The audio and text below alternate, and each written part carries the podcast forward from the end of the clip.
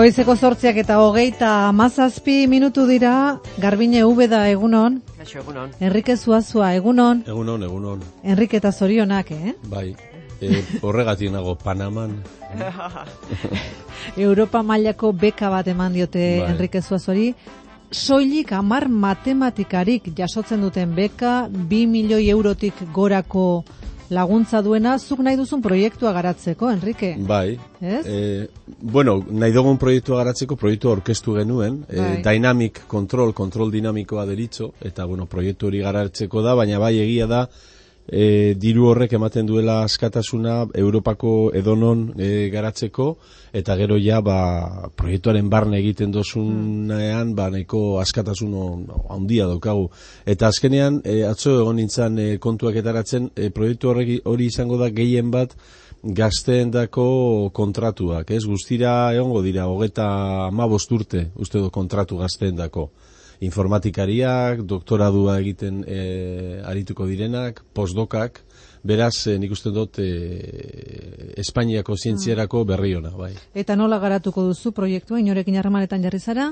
E, bueno, ni dakizu moduan, ba, e, irailetikona nire Madrideko Unibertsitate Autonomako katedrara bueltatua nahi, eta bueno, ba, printzipioz, ba, han, han, han e, hasiko dugu, dana dala, ba, gaude hemen Euskal Herriko instituzioekin e, e, kontaktuan, ea, ea hemen garatzerik e, lortzen dugun, eta, eta bueno, adibidez, ba, batzuk, ba, interes gehiago e, aurkeztu dute beste batzuk. Baino, Deustu Unibertsitateak adibidez, ba, interes e, handia eta ematen du ba, garatzeko prest daudela, da bueno, ba, ikusi behar, baina proiektu hauek nahiko estrategikoak dira, eta behar dute baita ez bakarrik instituzio akademiko baten, baizik eta nola bait instituzio publikoen, eh, administrazioaren eh, kompromiso minimo bat. Beraz, jaurlaritzak, aldundiak izan beharko dute zerezana bai. Bueno, zorionak, Enrique. eh? Eskerrik Esan asko. Bueno, gaurko gaiak dagoeneko esan behar dizuet, WhatsAppa bero-bero daukala, e, aipatu dizuegu goizeko sortzietan zuen parte hartzea nahi genuela, eta badira WhatsApp bidez telefono deiak egiten alegindu direnak ere, guk esan dizuegu WhatsAppera e, mezuak bidaltzeko erabiltzen dugula, mezuak irakurtzeko 6 sortzi sortzi 666 000. Agurtuko dute zer baino lehen Amelia Barkin. Mondragon Unibertsitatean kulturarteko hezkuntzako irakaslea da, soka luzea eragindu Amelia Barkinek bere blogean apirilaren seian zintzilikatu zuen gogoetak eta guraso askok pasarte horretan bere burua irudikatuta ikusi dutelakoan gaur gure solasaldira biltzeko gonbite egin diogu. Amelia Barkin, egunon. Egunon, Entzulen baimenarekin eta gazteleraz dagoen arren, hitzez hitz irakurriko dugu zure blogean idatzi zenuenaren izenburua, kasu honetan oso adierazgarria baita. Tus padres son un poco pesaos con eso del euskera, no? Pentsatzen dut etxean ikusitakoak eraman zaituela hau idaztera. Bai, bai, aitortu behar dut, e, ba, familian e, bizitako pasarte batean oinarritzen dela, ezta? Bai, baina, bueno, ikusi dugunez, bada e, konpartitutako, partekatutako esperientzia bat, eta, ba, ikusten dugu, ba, momentu batetik aurrera, ze zaila denez, e, etxean, Euskaraz e, e, aritzeko ohitura mantentzea. Zuek non Nire bizi kasuan- zarete, Amelia? E, gazteizen, Gasteizen. bizi gara. Eta, bueno, nik idatzi duten testu hori, ba ez da, da oso testu sumea, e, Bai. ez da saiakera bat, dia, da elkarrizketa labur bat, ama eta alaba baten e, artean, eta momentu batean, e, ja, ba, alabak, ba, e, ama bi urterekin esaten dio amari begira, ama, badakit etxean hitz egin behar du euskera, ondo dago, baina, eta, baina gainera, tematzen zarete, e, lagunak e, etxera etortzen direnean, e, euskeraz hitz egin behar dutela, haiek ere bai, eta ez dute nahi, eta niretzat oso zaila da, eta orduan, Karo, haiek ez dute nahi, eta zuek eh, eskatzen didazu euskeraz aritzeko, eta beti nabil. Euskeraz, eh, mesedez, euskeraz, mesedez, eta amak ez dauka horretarako konponbiderik, ez da, baina osnarketa txiki bat Bai. eh, agertzen da hor. Eta zuk alabari esaten diozunean amabi urteko ane eta esan bezala amaren arteko elkarrezketa batetik abiatzen da, zuk egiten duzun gogoeta hau, e, bueno, zure esperientzia kontatuta, ez da, Amelia, eta zuk hau alabarekin hitz egiten duzunean, e, zuk alabari zer esaten diozu euskeraz hitz egin dezan lagunekin, alegia ze argudio edo nola eskatzen diozu hau? Bueno, ba, guk e, garatuta daukagu, nik uste dut, hainbat familiatan e, garatuta dagoen diskurtsoa, ez? Ba, gure familian, euskera hitz egiten dela, hori izan dela gure autolinguistikoa, gure txat importantea dela, e, euskeraz, euskarak ere behar gaituela, eta ez, e, bueno, beste esparru batzuetan gaztelaniaz e, aritzeko aukera izango duela, baina e, etxean balio bat dela, ezta? Eta nik uste dut hori, ba, ondo eramaten da, ba, urte askotan zehar, baina gero nera bezaroan, ba, gauzak ez dira, ja horren errezak, ezta? E, nik aipatutako kasuan, e, e, umeak ez du ezaten ez, hemendik aurrera etxean ere, e, gaztelaniaz. Hmm. Baina beste familia batzuetan hori esan gabe egin egiten da, eta gurasu hitz egiten dute euskeraz, eta umeek ba, e, erantzuten diote edo hitz egiten dute gaztelaniaz, edo nebarreben artean ere, baia ezartzen da ohitura hori ez, ba, hmm. gaztelaniaz gero eta gehiago aritzeko. Ba, bueno, hor badaukagu, eta begira, banik horren arira, ba, pare bate komentario ez, e, batzuk ez dute ulertzen, zer dagoen kezka honen atzean, eta ba, duela hilabete batzuk lagun erdaldun batek esaten zida. Ba, begira, ez, ez, ez kezkatu ze zuen umeek badakite euskera ez dute galduko, ez lazai egon, e, oso ondo dakite, eta ez dute, baina, klaro, batzuk e, kostatzen zai ikustea, guk ez dugula nahi soilik umeek jakin dezaten, baizik bai. eta euskera bizi daitezen, ez? Eta gero dago kontzeptu bat, niretzat oso interesgarria, lankide bati behin e, entzun niona, e, Julen Aresola leibari, eta berak argi eta garbi azaltzen zuen zer desberdin den e, e, Euskal Elebiduna izatea, edo Erdal Elebiduna izatea, ezta? Eta, e, bueno, Euskal Elebiduna den da, ba, euskeraz ondo moldatzen dena, hobeto e, gaztelaniaz baino, erreztasun handia daukana eta euskararako joera. Eta erdale lebiduna berriz, ba, kontrakoa, ez? Gaztelaniarako joera, hobeto moldatzen delako, mm besteak beste. Claro, e, egun batean, azaltzen zuen berak, euskaraz, mm, erdale lebidunak baino, ez badira geratzen, ba, bereak egin du, ez da, ba, bai, bai. dago hizkuntza batean non hori gertatzen den. Hmm. bueno, ba, hizkuntzak ere behar ditu Euskal Elebidunak eta ingurune batzutan ba, iztun hoiek garatzea, ba, ez da erreza, eta e, kabia, e, gazteek usten diotenean e, erabiltzeari eta ba, bueno, e, elikatzen ari direna, da beste hizkuntza eta erdoiltzen ari dena bada mm, euskera, ezta? Orduan hor ere bada okezka bat, ezta? Ea bagaitasunak eta erabilerak e, ba murriztea horrek ze ondorio dauzkan, ez? Amelia, zaude segundu bat, ze ertz asko ukitzen ari zara, Garbin eta Enrique azteko zuek egoera honetan zuen burua irudikatu duzu, inoiz zuen seme alabei kargu hartu beharra hitz egintza zu euskeraz eta bar.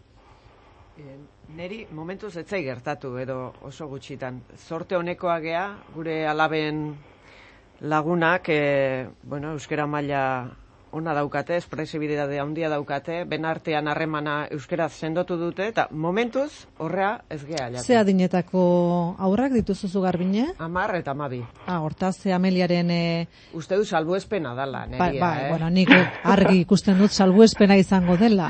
E, Enrique, zure kasuan, Bueno, nire kasuan e, Bilbon bizi izan da, ba, bai, egoera ez da hori, ez? Eta hori ez, ikastola batera eraman da, da, ala ere, ba, ikusten da, ikastolan, ba, behin, e, ze urte, ez dakit, ze izazpi urtekin ikusten da, eta gainera, nik neko arraro ikusten dut, baina ikusten dut Euskaldunen e, semeak e, askotan dirala, erdera eramaten dutenak eskolara, baina gainera amorro ondiz, ez dakit agian, ba ez dakit etxe barneko tensioak nola baite askatzeko den, edo, hmm. edo zen kasutan, nik ikusi dut ja behin bigarren maila edo gaindituta erderarako tendentzia handia, eta nik usten dut estatistika bat egin eskero, ba ez dakit patiora joan, ama, goizeko amaiketan, eta, eta entzun zertan ari diren ikastolako umeek ikusten dut eh, maioria gehiengo handia litzatekela mm. erderara jotzen dutenek.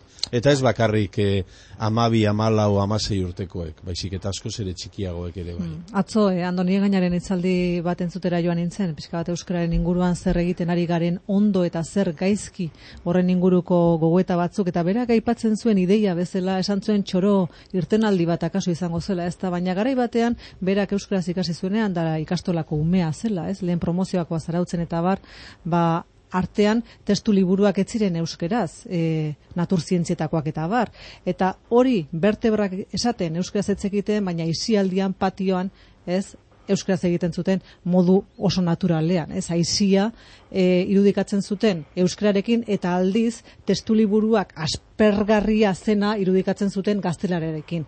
Hor bat zegoela zerpentsatu bat baita ere, bueno, ba eskoletan nola eragin liteken gai honen inguruan, baina hemen jasotzen ari nahi zen e, mezu gehienak eta badira momentuz e, amabostetik gora, e, asko dira zentzunetan eta esaten dute. Seme alabai eskatzen zaien erdia gure buruei eskatuko bagenie, arazo handiena bertute genuke. Erreza da, es... Erreza da eskatzea, zaila egitea. aipatzen dituzte beste batzuk euren kasuak, ikastolako gurasoen eh, harremanak euskaldunak izan da gehienak gaztelerazkoak direla eta aldiz etengabe aurrari egin euskaraz eskatzen ari zaiela. Eta beste batek dioen gogo eta hau e, iruditu zait interesgarria egun baten erabaki nuen nire semeari hitz egin euskaraz gehiago ez esatea.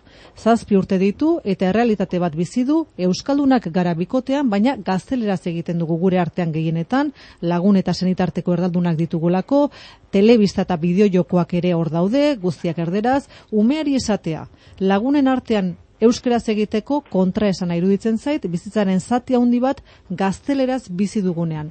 Hau da, nire kasua, erabaki personala besterik ez da dio entzuleak. Nei iruditzen zait, e, nerabe hasi geizketan, eta nerabek helduen mundura nahi dute.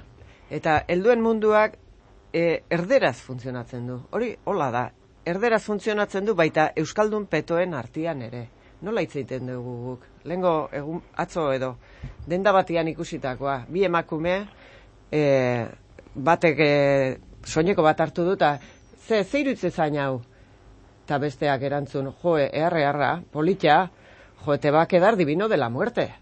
Ez? E, guk lanik hartzen ote deu e, esaldiak bukatzeko ere ja olako lanik ere ez dugu hartzen mm. eta euskaldun petuak izaki ez mm. E, uste dut horre WhatsAppean bai, baina kontua da lanik hartzen ez dute dugun zabarkeri utxagatik edo ba ez dugulako gure buruan nahikoa eroso sentitzen euskeraz adirazi nahi dugun guztia euskeraz adirazteko, ez? Guztiaren Gero... asketa da, nik uste, eh? Bueno, Amelia, zer diozu? Bai. bueno, ni ados nago, nago horrekin, ez? E, ba, batzutan umei eskatzen diegula gugeuk e, egiten ez duguna, ez da? eta ze astuna den euskeraz mesedez, euskeraz mm. mesedez, eta hori irakasleen ezaldia da, eta, eta gurasoen ezaldia da, autoritatearen ezaldia da, ez da. Eta momentu batetik aurrera, batzutan umek, e, bueno, sentitzen dute beharra e, autoritateari uko e, egiteko, eta, eta ea, ba, euskera ere arrastatzen duen ba, behar horrek ere bai, ezta. Orduan ba, hor badaukagu zer pentsatu. Bai, e, zer andoni egainak aipatzen zuena interesgarria da, ezta. Ba, ba, bueno, e, e, zona e, Euskaldunetan agian hori gertatu daiteke, ez? E, ba, eskolak, e, e, bueno, badauka eragin bat, baina kalean bizi-bizirik dago. E, gure kasua, ba, gazteizen edo bilbon, hirietan, ez, orain izaten da, e, hirietan dagoela, euskararen etorkizuna agian e, nonbait baldin badago eta ikusten dugu ba uf zaila den ba, kaleko e, kaleko euskera e, aurkitzea mantentzea elikatzea ez hor daukagu erronka oso handia hmm. eta e, claro e, gero zuek esaten duzuen e, e, garbinek esaten zuen esaldi horretan ez nola batzutan bizitasunaren bila gaztelaniara jotzen dugu, ez? E, horregatik da niretzat horren importantea Euskara ondo ikastea. Bai, ondo menperatzea e, Euskarazko esamoldeak ere, ez? Oh, hori bera. Hori ze. Gertatzen hori gaztel, e, bilatzeko gero gaztelaniara ez hurbiltzeko, ez? E, behar hori baldin badaukagu hor zerbait dago, ez?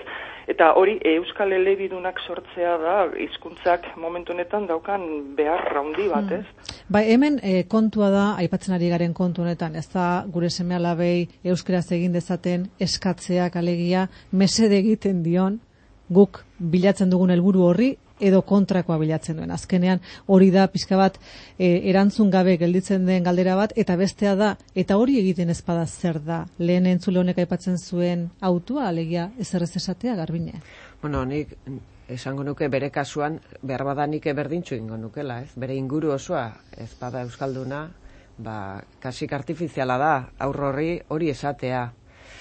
Baina ni insistitzearen aldekoa naiz, eta esan beharra dago, behin eta berriz, eta bar, eta bar, eta horrek arrastu utziko du. Kontua da, nola esaten dan, eta noiz esaten dan, eta hor, psikologia hundirik batzutan ez daukagu. Eta batzutan esaten dugu, haien gainetik jarriz, edo errite ginez, edo ba, min hartu deulako, besterik gabe, hola botatzen deu, ez? Eta behar bada, odolo hotzagoa eskatzen digu honek, ez? Beste modu batea, pentsatzea gauzak eta eta gauzoiek eskatzea, e, adieraztea edo frogatzea nolabait hizkuntza gure nortasunaren parte dala eta hori gabe ez garela garena, beste modu batea esatea eta ez justu momentu hortan eta lagunekin nahi dianen, ez? Hori da zailena niretzat. E, supernani moduko banaiko nukenik, e, esango ditena nola egiten dien gauza hauek, ez? Eta argudioak bilatu, ez? Hori da. Ze aur bati ze argudio eman behar diozu kontzientziazio hori bultzatzeko alegia e, Amelia, ze argudio Ba, ematen begira, diozu? bai, argudioak bai, baina jakinda ere